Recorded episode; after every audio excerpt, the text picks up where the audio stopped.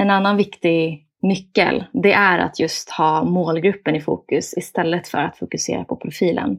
Återigen, om man ska dra en SEM eller Google Ads-liknelse så skulle man kunna säga att att fokusera på profilen är som att sitta som en Google Ads-marknadsförare och säga okej, okay, vilka sökord ska vi fokusera på nu? Vilka är heta, vilka, vilka ser bra ut istället för att vad söker vår målgrupp på? Så att det är precis samma tänk där, att det där skulle aldrig hända och det ska inte heller hända i influencer marketing. Du ska gå på data och vara relevant till en målgrupp där de finns genom personer som de följer och litar på och vill bli kommunicerade med helt enkelt.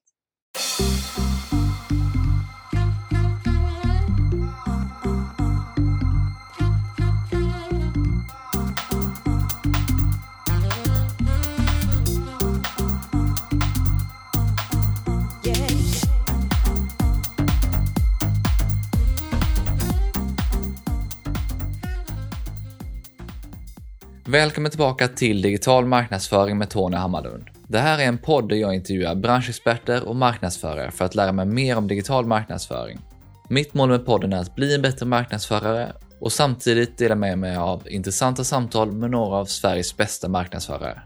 Jag har i det här avsnittet med mig Sanna Ödmark från Cure Media för att prata datadriven influencer marketing. Allt från strategi till aktivering och utvärdering. Cure Media är en av de ledande influencer marketingbyråerna i Norden och fokuserar på just datadriven sådan. Förutom att Sanna har stenkoll på influencer marketing så ansvarar hon även för byråns egna marknadsföring. Sanna har tidigare även varit med och drivit podcasten Marknadscoacherna, så det var riktigt kul att få prata med en före detta poddare. Vi började det här avsnittet med att prata om vad datadriven influencer marketing är och vad det innebär att arbeta always on. Sanna går sedan igenom hur man tar fram en smart strategi för just datadriven influencer marketing. Hon delar även vad hon ser som nycklarna till en lönsam och effektiv sådan. Sanna går efter det genom hur man kommer igång och hur man hittar just rätt influencers. Vi pratar även om hur man på ett smart sätt kan återanvända och förstärka det innehåll som influencers skapar.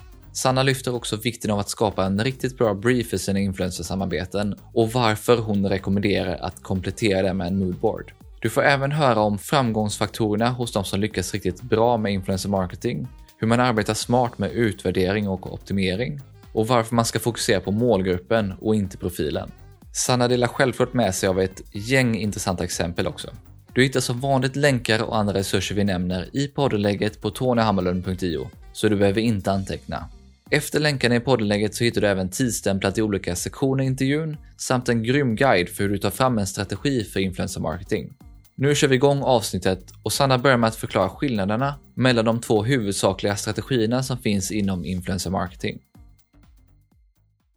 Ja, man kan säga att det finns olika strategier att använda sig av. Man kan säga att den mer traditionella influencer marketing-metoden, som väl hänger kvar från då man jobbade mer med celebrity endorsement, det är när man fokuserar på profilen i ett samarbete. Det blir mer PR-vinklat. Det är ofta en specifik person ett varumärke vill förknippas med. Och det ser man mycket idag. Det sker ofta i samband med till exempel en eh, ny lansering, en produktlansering eller klädkollektion. Men det som vi pratar mycket om på Cure som, som vi tror på, det är ju datadriven influencer marketing. Där jobbar man mycket mer resultatfokuserat med kontinuerlig närvaro hos målgruppen och löpande under en längre tid. Och det kallar vi att jobba always on. Där brukar jag dra en liknelse mellan att jobba med fyrverkerier eller en lägereld. Så den vanliga klassiska traditionella sättet, det är mer som ett stort fyrverkeri som man skjuter upp kanske två, tre gånger per år och som blir uppmärksammat en väldigt kort tid, men som sen försvinner ut. Medan Always On är mer som en löpande lägereld som inte slutar brinna utan som hela tiden fortsätter och där målgruppen kan samlas runt men du var inne på det här med stora stjärnor då inom traditionell influencer marketing eller mer PR-driven sådan. Hur ser det ut inom datadriven influencer marketing? Vilken storlek på influencers arbetar med? Ofta arbetar man med många fler mindre profiler, så kallade mikroinfluencers eller mid-size influencers.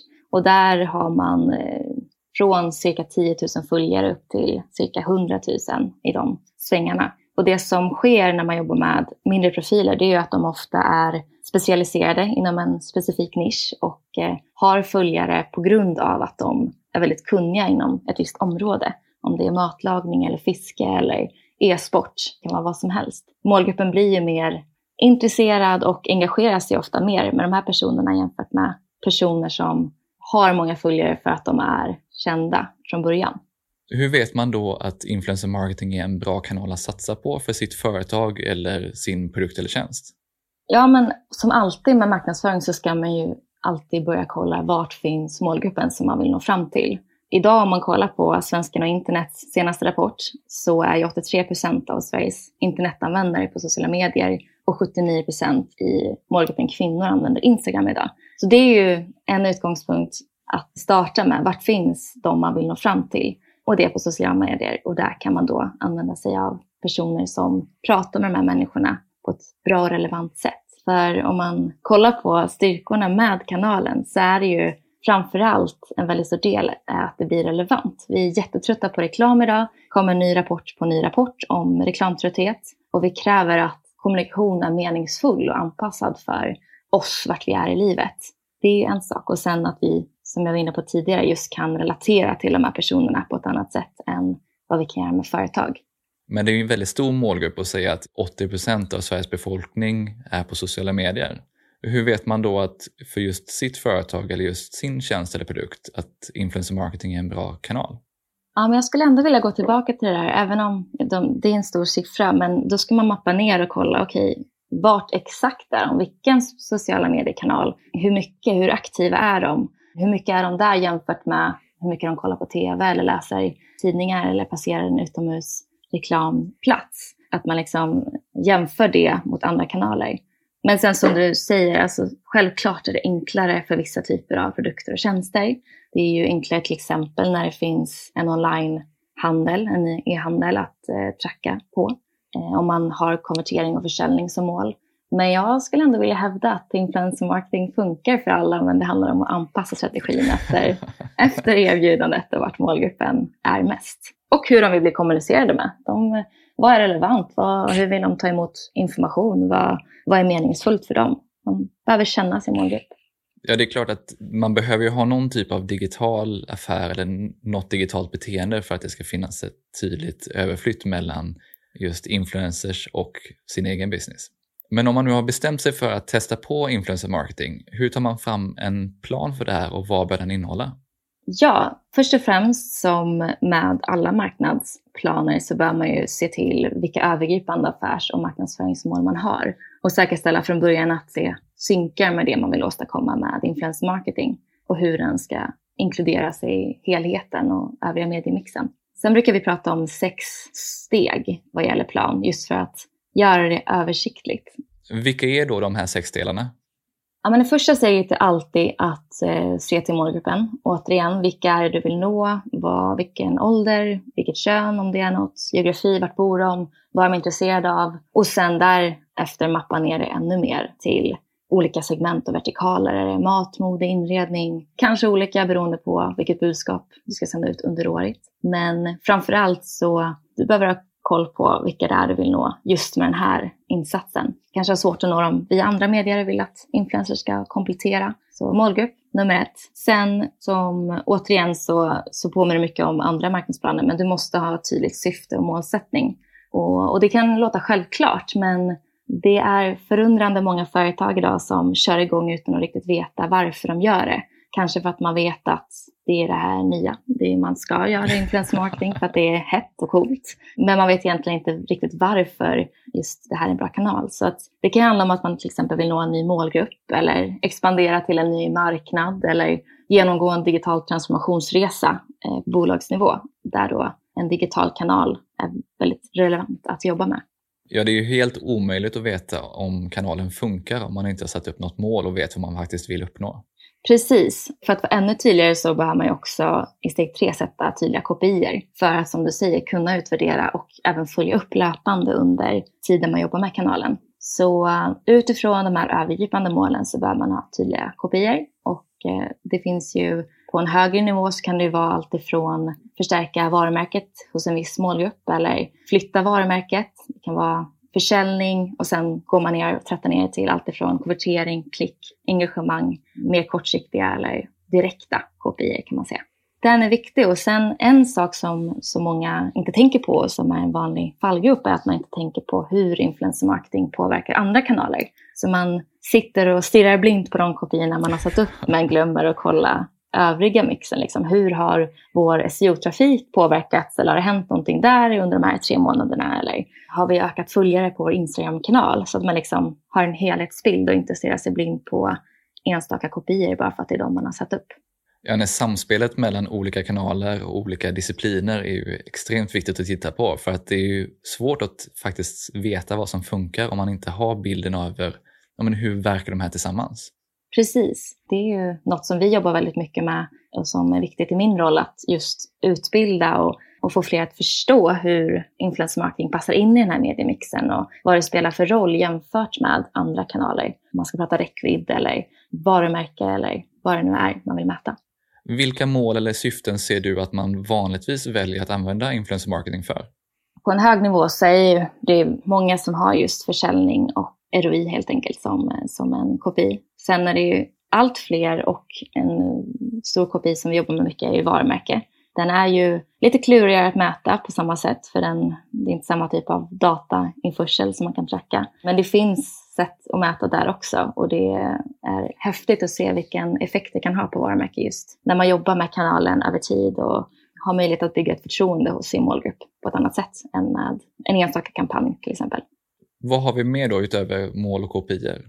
Ja, men steg fyra så, så kommer vi ner på en lite mer operativ nivå och det handlar om att göra en tydlig plan för aktiveringar eller samarbeten, alltså alla poster som ska göras helt enkelt under året eller månaden, hur man nu jobbar. Och samma sak där, här är det viktigt att man inte sitter och gör en egen plan för sitt influencer marketing-arbete som sen inte är synkat med övriga medieplanen, hur du ska vilka budskap du ska sända ut, vilka tider, vilka, vilka kanaler du ska jobba med så att de alltid är synkade. Och här kan man vara specifik och man bör vara specifik. Så allt ifrån antal inlägg, vilka dagar, vilka influencers det är, vad räckvidden är beräknat till. Här finns det till exempel också då två sätt att jobba på. Vi jobbar ju always on som sagt, precis som SEM-kanaler, att man inte gör enstaka insatser och nedslag då och då, utan jobbar löpande under året. Men det kan också vara en mix, att man eh, jobbar så och sen har man ett par fyrverkerier som, som lyser upp himlen några gånger per år. Så att eh, där får man hitta vad som funkar för, för sitt eget varumärke och, och de produkter man har. Och där antar jag också att man behöver lyfta in den här typen av plan och de här aktiviteterna i den övergripande marknadskalendern så att man faktiskt ser vad man gör både i den här kanalen men också i alla andra kanaler. Precis. Den bästa effekten får man ju om man pratar i olika kanaler samtidigt så att man som målgrupp möts av ett budskap eller ett varumärke på flera ställen och påminns och bygger trovärdighet. Om man nu har den här planen på plats över vilka samarbeten man ska ha under året eller under den här perioden, vad har man för steg kvar då? Ja, nästa steg är att eh, avsätta budget. Här är det viktigt att tänka på att den budget du lägger ska spegla där din målgrupp finns. Och det gör den inte alltid idag. Det är till exempel vanligt att 80 procent av budgeten läggs på till exempel TV och 2 procent kanske på influencer marketing. När i själva verket målgruppen är mer på sociala plattformar idag än vad de kollar på TV. Så se över vad ni har för budget för året och eh, anpassa efter vart målgruppen finns helt enkelt. En vanlig fälla är att man testar lite bara med de pengarna som finns kvar i slutet på året. Och eh, jag tror inte det finns någon kanal som, som funkar bra eh, om man bara testar lite med det som finns kvar. Nej, många kanaler, precis som influencer marketing, är ju kanaler där man behöver dyka upp flera gånger innan det faktiskt börjar ge resultat. Och man måste lära sig också. Det första man testar på är sällan det som faktiskt funkar. Precis. Om du lägger en procent av din budget och, och, utvärderar på det sen så kommer du inte ha tillräckligt mycket data för att, för att förstå vad det var som funkar och inte. Och då kan du heller inte lära dig. Den är viktig. Sista delen i de här stegen så är det att estimera förväntat resultat. Eh, och den hänger ihop såklart med vilka kopior och målsättningar du har satt upp. Men det är helt enkelt, vad, vad kommer du få för förväntad effekt? Det här är ju ett väldigt bra verktyg att kunna visa på internt också för att skapa trygghet och särskilt om det är en ny kanal man satsar på, att kunna visa på vad det är man faktiskt eh, tror sig kunna uppnå. Vad skiljer mellan det och målet? Ja, men här är det lite mer konkret metrics. Så att här till exempel, vi sitter med en egenutvecklad matris där vi verkligen kan knappa in exakt eh, siffror, räckvidd och vad CSN kommer ge. Så att den här är på ytterligare, en ytterligare nivå ner skulle jag säga. Vad är nycklarna då till att skapa en riktigt effektiv och lönsam strategi för det här? En av de absolut viktigaste nycklarna skulle jag säga, det är just det här med att jobba kontinuerligt och synas över tid, till skillnad från att göra enstaka nedslag. Och det handlar just om att vi behöver utsättas för budskap över en längre tid för att dels komma ihåg dem, men sen också få förtroende och bygga upp en trovärdighet. Så att på samma sätt som vi inte kommer ihåg en annons i en tidning som vi ser en gång eller ett budskap i tunnelbanan på vägen till jobbet så minns vi sällan en post i ett flöde en gång. Så det är det viktigaste, att just förstå det här always on-tänket, precis som man jobbar med eh, SEM och paid social som vi var inne på tidigare. En annan viktig nyckel, det är att just ha målgruppen i fokus istället för att fokusera på profilen. Så um, återigen, om man ska dra en SEM eller Google Ads-liknelse, så skulle man kunna säga att att fokusera på profilen är som att sitta som en Google Ads-marknadsförare och säga okej, okay, vilka sökord ska vi fokusera på nu? Vilka är heta, vilka, vilka ser bra ut istället för att vad söker vår målgrupp på? Så att det är precis samma tänk där, att det där skulle aldrig hända och det ska inte heller hända i influencer marketing. Du ska gå på data och vara relevant till en målgrupp där de finns genom personer som de följer och litar på och vill bli kommunicerade med helt enkelt. Ja, men det är en riktigt bra liknelse där också om man har den här planen på plats, hur kommer man igång med sina första kampanjer sen? Ja, så när man sen har sin plan på plats så får man ju då börja, då har man ju sin målsättning, man vet vad man vill uppnå, vilka man vill nå fram till. Och då handlar det om att eh, hitta rätt influencers som eh, pratar med den här målgruppen på ett bra sätt. Och där är det viktigt att både säkerställa, som sagt, stämmer datan? Är det rätt följare? Finns de i din målgrupp? Men sen också att säkerställa att det är en bra brandmatch. Och där kan man ju kolla på till exempel flödet. Vad lever den här personen för liv? Är det trovärdigt att han eller hon pratar om dina produkter? Om det är en person som är vegetarian så ska kanske inte eh, leverpastejvarumärke leverpastej varumärke jobba med den personen till exempel. Så det måste finnas en tydlig koppling mellan produkt och person. Och sen helt enkelt, ja det, det är det här, alltså det är som ett isberg. Man ser en post som kommer ut på Instagram och bakom den här posten så ligger det väldigt många timmar och väldigt många interaktioner med influencern. Så eh, när man väl har hittat personer som man ser stämmer, både utifrån målgruppsdata men också då brandmatch, så eh, tar man kontakt med de här personerna. Allra helst så bör det ha ett kommunikationsverktyg där all kommunikation sker, både för att det är mycket mer effektivt och skalbart om du har det samlat på samma ställe men det är också eh, lättare att kunna gå tillbaka och se allt som är sagt och att allt finns samlat helt enkelt. Det finns ju väldigt många olika plattformar och ens målgrupp kan ju finnas på många olika ställen. Så hur hittar man rätt influencers när man tittar på många olika plattformar, om man inte bara tittar på Instagram då till exempel? Precis, där kan man ju dels jobba med en mix av kanaler. Du kan ju jobba på både Instagram, ett YouTube-samarbete, just för att kombinera de olika formaten. Men sen handlar det också om vilken typ av samarbeten det är du vill göra. De olika plattformarna fokuserar ju på olika saker. Så till exempel på Youtube är det ju lite längre format. Du kan eh, berätta en historia på ett annat sätt där det krävs kanske mer tid med målgruppen. TikTok är ju dels en yngre målgrupp men också ett lite mer underhållande format där det handlar mer om liksom challenges och hashtags och, och roliga upptåg och danser och sång. Medan Instagram, det är den största plattformen, där kan det också variera mellan stories och poster och reels idag också. Eh, så det är vad du vill, vad är det för typ av samarbeten, vad är det för typ av content du vill skapa. Är det bildmaterial så är till exempel Instagram en väldigt, väldigt bra plattform just för att ta fram högkvalitativt content som du sen kan återanvända i din egen marknadsföring. Antingen organiskt eller via paid social. Så ja, beror på. Det klassiska svaret. hur ska man tänka då kring hur många influencers man behöver ha i en kampanj? Ja, det speglar ju lite återigen vilken typ av eh, influencers och vilken typ av approach du ska ha. Om du jobbar mer datadrivet och um, med micro mid-size så är det ofta fler profiler men mindre i en kampanj. Medan om du jobbar mer med en specifik person som kanske står för ett, en viss fråga som du verkligen vill associeras med så är det ju färre personer såklart. En vanlig fälla där är dock att tro att bara för att det är en större influencer så når du fler människor. Att en brandingkampanj bör vara med större profiler och det stämmer inte. För där kan du nå lika bra räckvidd om du jobbar, jobbar med många mindre profiler. Ibland till och med mer för att de har mer faktisk räckvidd. När du har flera miljoner följare eller flera hundratusen så är det inte alla de som faktiskt ser dina samarbeten i flödet på grund av olika algoritmer och engagemangspunkter helt enkelt. Handlar det då om att räkna baklänges helt enkelt vad man har för mål och förväntad effekt på kampanjerna och titta på hur många man faktiskt når via de här profilerna?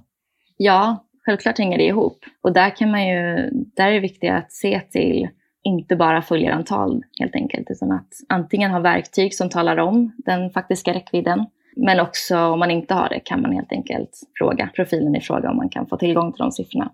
De är superviktiga. Sen finns det ju alltifrån fejkföljare idag också som eh, kan ställa till det om man inte kollar på datan ordentligt. En person kan se väldigt stor ut till antalet om man kollar där. Och hur säkerställer man det då? Antingen har man verktyg på plats som talar om för dig followers credibility, så får du ett score helt enkelt. Om det är 100% eller 90% så är det ju liksom, ja, troligt att de flesta där är relevanta och rätt. Men det finns väldigt många som, eh, som ligger på lägre score än så och det kan vara svårt att se med blotta ögat idag. Sen kan det också vara så att den har äkta följare men följarna befinner sig på en marknad som inte är relevant för din målgrupp och då behöver man också ha koll på att följarna i fråga är de du faktiskt vill nå fram till. Vilka verktyg finns det på marknaden för att kolla det här? Det finns en hel del olika. Vi har ju vårt eget på Cure som vi har utvecklat och som vi använder oss av och som är best in class om jag får säga det själv såklart. Sen finns det såklart andra plattformar också och alla har ju lite olika funktionaliteter. När vi nu pratar om medelstora eller mikroinfluencers så tänker jag också på prissättningen. För om man tittar på stora influencers så är de ju mer eller mindre som mediehus. Men hur vet man att man får ett bra pris när man kontaktar en influencer som är i gruppen under där? Jag skulle säga idag att även mindre och medelstora influencers, de har ju jobbat med ett tag nu många och branschen är mer och mer reglerad och strukturerad. Eh, vilket gör att de också har en tydlig prislapp idag och vet sitt värde. Så där får man helt enkelt kolla runt och sen testa. Det är väldigt svårt att veta vad som funkar utan att testa helt enkelt och jämföra. Någon kan se väldigt rätt ut på pappret men sen ändå inte leverera det man har förväntat sig i och med olika, det är så många faktorer som spelar in. Så kolla runt och jämföra. Men jag ska säga att de flesta har koll på idag vad det, vad det kostar helt enkelt. Om man har tagit in offerter och man har ett antal influencers som man vill börja arbeta med, hur onboardar man dem på rätt sätt och kommer igång med kampanjerna? Ja, en väldigt viktig del i onboardingen är att ha en tydlig brief. Vad du vill åstadkomma med det här samarbetet. Vad är målsättningen? Eh, vad förväntar du dig av influensen i fråga? För ju bättre förutsättningar de har att göra ett bra samarbete, desto bättre arbete kan de göra. Och här är en fin balans mellan att ge kreativ frihet. Det är jätteviktigt att influensen i fråga får prata på sitt sätt, får skapa innehåll som han eller hon själv har kommit på just för att de vet bäst vad som funkar med deras följare och vad, vad som har gjort att de ens är influencers idag. Men sen självklart ska det finnas ett ramverk kopplat till vad, vad är det övergripande budskapet? Vad får absolut inte sägas? Det kanske är något sånt eller en specifik hashtag som ska vara med. Så, så egentligen se till att briefen är tydlig och fungerar snarare som ett ramverk men tillåta kreativ frihet. Så att det är en fin konst att skapa en bra brief. Det är inget man gör i en en handvändning. I en handvändning, ja precis. Nej, det krävs. Eh, det... Nej, men det här med att ge kreativ frihet men ändå ramarna är ju extremt viktigt oavsett om man jobbar med en influencer eller om man jobbar med en byrå. Precis, det är på samma sätt. Och ett exempel där på något som vi inkluderar i våra briefer är en moodboard till exempel. Just för att lättare kommunicera vad det är för typ av känsla eller övergripande budskap man vill förmedla och så vidare. Så att allt man kan göra för att underlätta för influencerna att förstå helt enkelt. Vad kan man som annonsör sen då göra för att säkerställa att de här kampanjerna faktiskt blir lyckade? Ja, så förutom att ge influencers den här kreativa friheten som vi var inne på, så när man väl är igång sen och börjar köra och, och samarbetena är uppe så handlar det om att löpande optimera och se vad det är som funkar. Så ha koll och eh, kolla helst i realtid på siffrorna. Vad är det som sker? Vad, vad får vi för, vad är det för kommentarer mer på en kvalitativ nivå? Hur reagerar målgruppen på våra samarbeten? Men sen också löpande som sagt optimera, återigen på samma sätt som en SEM eller Facebook-kampanj på månadsbasis så att du hela tiden använder de insikter du får till att förbättra resultatet. Och just när det gäller influencers, på samma sätt som du byter ut ett sökord eller lägger till ett sökord så handlar det ju här om att se okej, okay, vilken, vilken typ av influencer är det som verkar funka bäst på just den här eh, aktiveringen? Kan vi hitta, om du har ett verktyg till exempel, så kan du få förslag på influencers som liknar de här profilerna när det gäller målgruppsdata och andra faktorer som du sen då kan lägga till och sen ta bort dem som du ser inte funkar lika bra. Så att du hela tiden jobbar med optimeringen och tar med dig lärdomarna in i nästa steg. Vad finns det i själva kampanjen som man kan göra mer för att optimera? Är det att optimera själva kampanjen som går live nu? Eller är det kommande kampanjer du tänker på då? Framförallt kommande. Om man jobbar always on så är det ju hela tiden ett löpande nedslag kan man säga. Så då finns det ju hela tiden chans att förbättra resultatet. Till skillnad från om du som sagt har gjort en stor kampanj så är det inte så mycket att göra om det inte flög. Tyvärr.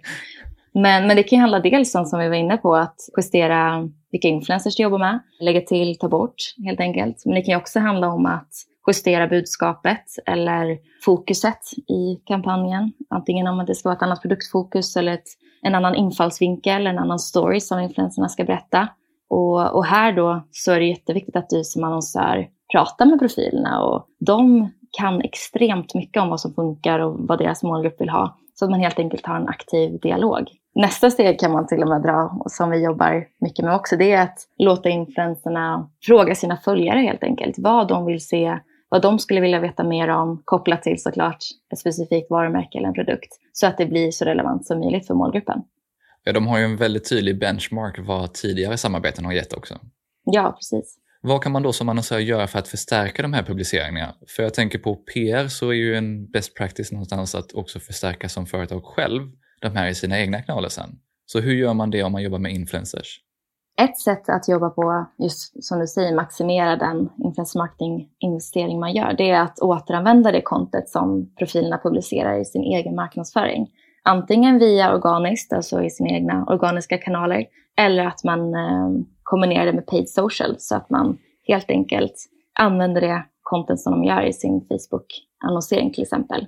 Och man kan se en enorm skillnad i, vi har flera varumärken som, som har jämfört då det content som de använder i vanliga fall, som de har producerat inhouse till exempel, med det content som eh, deras influencers har producerat och jämfört effekten. Och just med så här, man pratar ju mycket om UGC, User Generated Content, och vi pratar om IGC.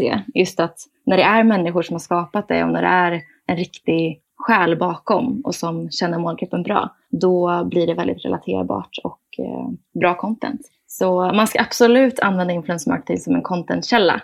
Och det tror jag, apropå hur det var för några år sedan, det är någonting som, som man börjar förstå nu, vikten av att göra. Det är extremt proffsigt content som de här personerna i de allra flesta fall tar fram.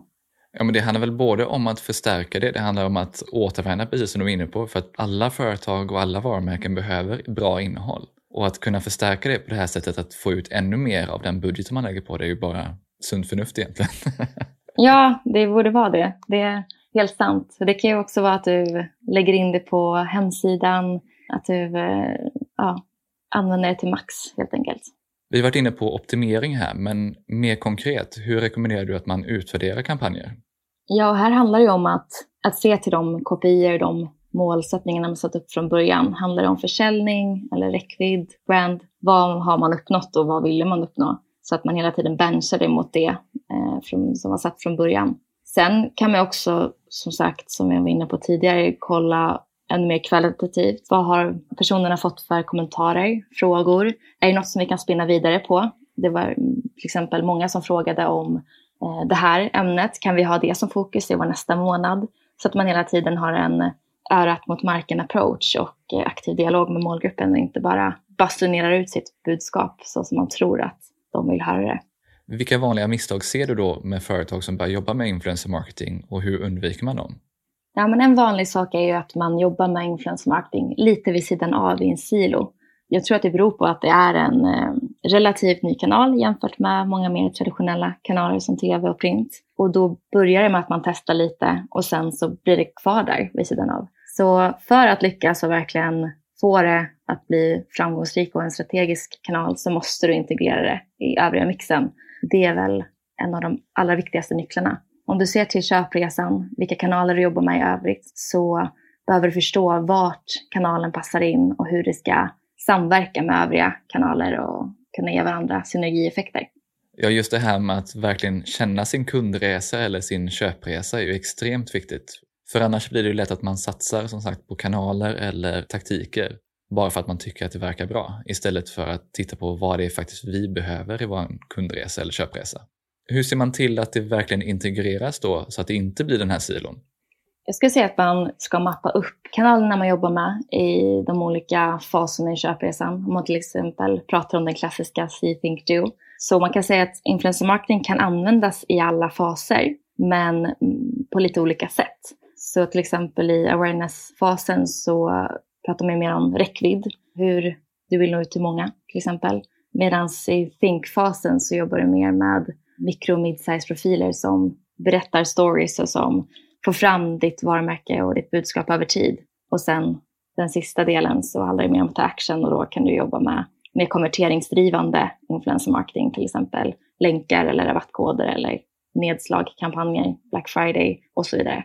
Så eh, ja, det är ett sätt att helt enkelt mappa upp och se vart, vart det passar in. Men sen återigen som vi var inne på innan, att, att använda det i sin paid social, till exempel i sin eh, sociala mediestrategi, sin organiska. Att man ser till att man pratar enhetligt över de alla kanalerna, eh, fast på olika sätt och med olika medel. Ja, men det är jätteviktigt och jag, jag pratar ju ofta som sagt om den här kundresan. Så att det här är ett fantastiskt sätt att faktiskt väva in det för att få alla att se hur viktigt och hur integrerat det här faktiskt är i vår strategi. Finns det några fler misstag du ofta ser? Ett annat misstag är att man jobbar väldigt kampanjfokuserat och bara gör ett enstaka nedslag då och då. Och sen säger man att Nej, men det där med influencer marketing, det gav inte något resultat. Och, och, det är ju klart att det inte gör det om man inte ger det tid och har en kontinuerlig plan och närvaro. Man måste jobba löpande för att kunna mäta och, och se resultat över tid. Sen är det väl också som du var inne på i början just det här med att inte bara fokusera på de allra största namnen och de allra kändaste namnen. Exakt, det är ju inte ovanligt att man hör meningen, ja men den här, den här profilen gillar jag, eh, så henne kan vi väl jobba med. Eller min dotter följer henne, så hon verkar bra. Utan att egentligen veta varför man ska jobba med profilen eller vilka följare den här personen har. Så att skifta fokus från profil till målgrupp, det är väl det allra viktigaste tänka på. När du pratar om kundresan där så var du inne på lite olika sätt att använda influencer marketing utefter kundresan. Så jag är jätteintresserad av att höra om du har några bra exempel på olika typer av kampanjer om vi börjar till exempel med business to consumer. Ja, men apropå hur det såg ut förr, så det många tänker på när man har influencer marketing är ju att visa upp en produkt och prata om fördelarna med den. Vilket inte är så det ser ut idag vi konsumenter är mycket mer skeptiska till eh, kommunikation överlag och vi kräver relevant innehåll i alla kanaler som vi är i. Så idag handlar det mycket mer om att berätta stories, storytelling, bjuda in till dialog med sina följare snarare än att bara hålla monolog och skapa saker som, som är relevanta. Så om man drar lite konkreta exempel så kan det till exempel vara att man bjuder mycket mer på tips och inspiration kopplat till en produkt snarare än att bara prata om fördelarna eller vad den kostar. Och ja, men testa nya format, att man jobbar mer rörligt och bygger en annan slags relation till sina följare genom varumärken och med hjälp av varumärken såklart. Har du några konkreta exempel på det?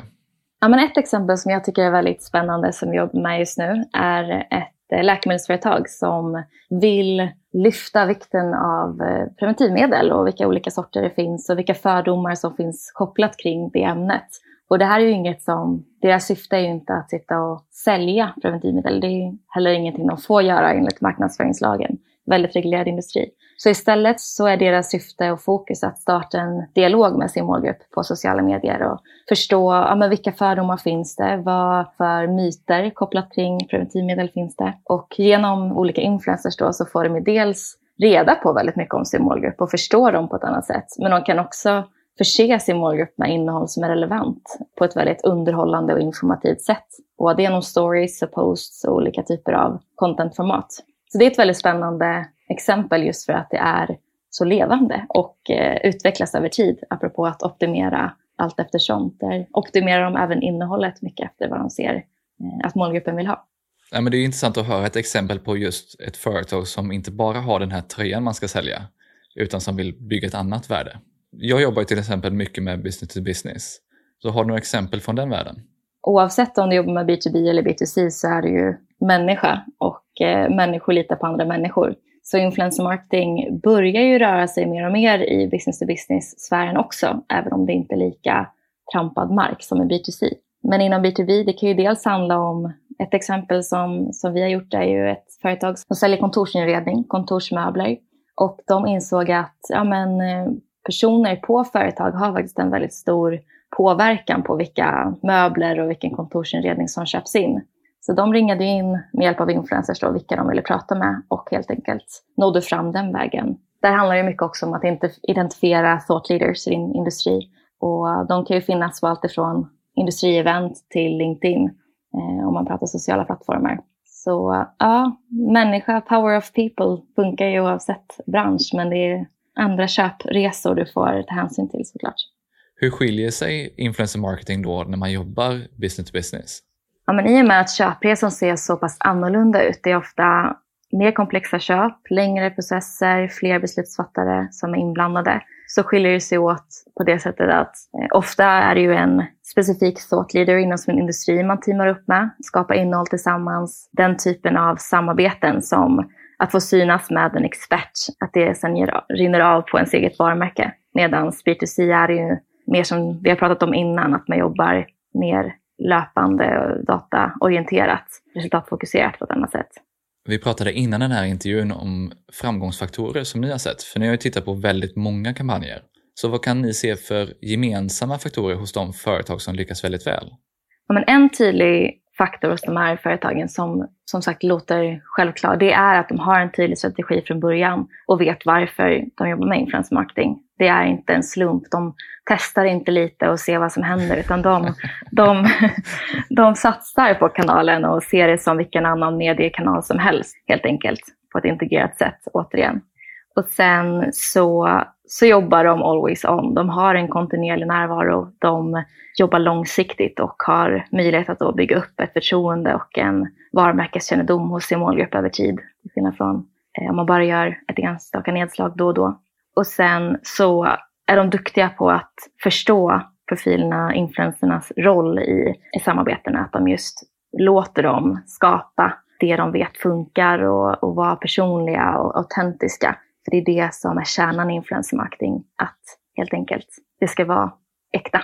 Vilka är allra bäst på att jobba datadrivet på det här sättet som vi har pratat om idag med influencer marketing? Det finns många exempel. Man kan, brukar prata om influencer born brands som har influencer marketing som sin kärnstrategi från början.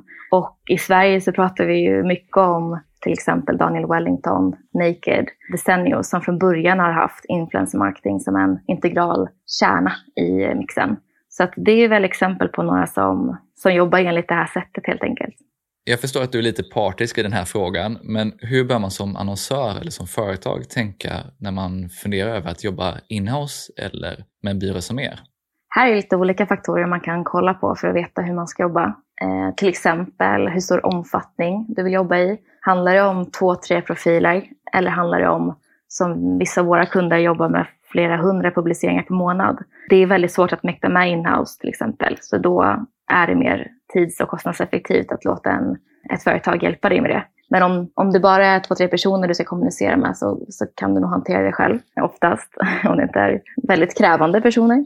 En annan sak är skalbarheten. Om du vill um, kunna skala upp det så är det också svårt att göra själv. En vanlig fördom är att det är billigare att göra inhouse. Det är oftast inte fallet. För man, återigen, det här med att bakom en post är det en hel ett helt isberg av jobb och eh, kontakter med influencers och kontrakt och briefer. Så att den myten vill jag också slå hål på. Sen kan man göra mix också. Man kan jobba inhouse på en marknad man känner till bra och som man har jobbat på innan till exempel. Och sen ta hjälp när man ska in på en mer okänd marknad där man inte har lika bra koll på vilka influencers det är som gäller eller hur målgruppsdatan ser ut eller hur det funkar. Sen beror det väl väldigt mycket också vilken intern kompetens man har och vilka interna resurser man faktiskt har. Absolut, såklart. Jätteviktigt. Vi pratade lite tidigare om verktyg när man ska hitta influencers. Men det finns ju väldigt många fler delar i den här processen som vi har gått igenom där man kan ha väldigt stor nytta av verktyg. Så vad skulle du rekommendera för olika verktyg om man nu inte använder ett verktyg som ert då? En jätteviktig del är ju ett verktyg just för att identifiera rätt influencers. Att få tillgång till den data som du inte ser på blotta ytan utan som du måste gå bakvägen för att få tillgång till. Allt ifrån ja, men just målgruppsdata, vilka följare, vart befinner de sig, vilken ålder, men också just eh, followers credibility-skalan. Alltså är det här äkta följare? Vad, vad säger datan helt enkelt? Så det, det är en jätteviktig del så att man prickar rätt. Sen när man sen ska kommunicera med influenserna så underlättar det om man har ett kommunikationsverktyg där all kommunikation sker. Om du mejlar och skriver på Instagram och på WhatsApp så är risken att det blir väldigt rörigt och ostrukturerat och eh, tidskrävande när inte allt är samlat på samma ställe. Och det är lätt att missa meddelanden dessutom. Verkligen. Sen ja, uppföljning och rapportering, precis som du sitter i Google Analytics för din hemsida och för alla dina marknadsinsatser så, så är det bra om du har ett interface för dina kampanjer kopplat till influencer marketing också. Där du kan se, helst i realtid då, hur går det? Hur benchar vi mot våra kopior, vår målsättning och hur kan vi optimera framåt? Vad krävs då av mig som marknadsförare för att bli riktigt bra på influencer marketing, både som beställare men också om man ska faktiskt utföra det här arbetet själv? Jag skulle säga att det viktigaste här är att, att vara på plattformarna, att konsumera mediet själv och, och hänga med i vad som händer, vilka trender som äger rum just nu, vilka nya funktioner som släpps, hur algoritmerna funkar. För det som är klurigt med en bransch som utvecklas så snabbt, det är att om man går en utbildning eller en kurs eller något liknande så är risken att det är old news imorgon. Så att helt enkelt hänga med och ha örat mot marken och, och göra. Alltså testa, testa, testa. Sen såklart så, vi har ju på Cure jättemycket guider och artiklar kopplat till just hur du går tillväga, hur du mäter, vad du ska tänka på, vilka misstag du ska undvika. Så ja, jag måste ju lyfta vårt eget bibliotek här också. Där lär man sig mycket. Jo, men jag har tagit del av flera av de här guiderna som ni har producerat tidigare, så det är ju väldigt bra info, så att, eh, tycker jag absolut att du kan rekommendera. Vad kul. Hur gör du för att hålla dig uppdaterad då vad som händer på de olika plattformarna och vad som händer med algoritmer och annat? Ja, som de flesta andra så massor av nyhetsbrev som man håller koll på. Följer eh, thought leaders inom ämnet på LinkedIn. Eh, men som sagt, är mycket kanalen själv och eh, ser liksom vad det är för samarbeten som görs där ute och vad händer. Och sen, vi har ju vårt operations team här som är experter på, som sitter med alla kampanjer dagligen som, eh, som vi har, som ger oss mycket inspiration och information internt här. Så det är en stor källa. Innan vi avslutar så vill jag som vanligt också kolla var man följer er på Cure allra bäst. Oss följer ni allra bäst på vår LinkedIn-kanal där vi delar information, inspiration, webinars, event, allt möjligt. Men också på Instagram där vi också heter Cure Media. Och var är du allra mest aktiv? Ja, men, eh, mig hittar ni nog bäst på LinkedIn också. Jag har en Instagram men den är stängd. Stort tack för idag Sanna. Det var jättekul att prata med dig. Stort tack själv, jättekul att vara med. Det var först och främst riktigt kul att prata med en annan poddare. Sanna är grym och jag tycker det var riktigt intressant att höra om hur man kan arbeta datadrivet med influencer marketing. Och att man inte måste arbeta med de mest kända profilerna, utan att istället fokusera på målgruppen och arbeta med kanalen på samma sätt som paid social eller SEM. En annan viktig insikt var också att man kan både förstärka och återanvända det innehåll som influencers skapar. För det är innehåll som verkligen talar till den målgrupp man vill nå och som ofta håller riktigt hög kvalitet. Influencer generated content som Sanna pratade om. Jag har som vanligt tagit en massa anteckningar och här är mina tre främsta insikter förutom det här med förstärkning och återanvändning. 1. Att man kan utvärdera och optimera influencerkampanjer precis på samma sätt som med paid social eller SEM genom att justera såväl innehåll som val av influencers. 2. Att det är målgruppen som bör komma först och inte profilen. Något som är extra viktigt om man ska arbeta datadrivet med influencer marketing. Och 3. Hur otroligt viktigt det är med bra utvärdering av influencers och deras målgrupp före man inleder ett samarbete. Allt från att undvika att betala för fake-följare till att se till att målgruppen verkligen är rätt. Jag vill som vanligt gärna höra vad du tog med dig från avsnittet, så dela gärna dina tankar i en kommentar, ett meddelande eller ett mail. Och passa gärna på att skicka en kontaktförfrågan till mig på LinkedIn om vi inte har connectat än. Du hittar som vanligt länkar till alla resurser som nämns i poddenlägget på tonyhammarlund.io. Sanna har även kompletterat med några riktigt bra resurser som hon använder för sin omvärldsbevakning och för att hålla koll på influencerbranschen. Du hittar självklart även länkar till guiderna Sanna nämnde. Och du kan hämta en av dessa om hur du skapar en strategi för influencer marketing direkt inne i poddlägget. Där kan du även ställa frågor till Sanna.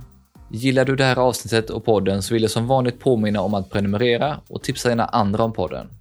Avslutningsvis vill jag passa på att tacka Mikael på Newbreeze Music som hjälper till med att producera den här podden och stå för musiken. Vi hörs snart igen med fler intressanta gäster och ämnen.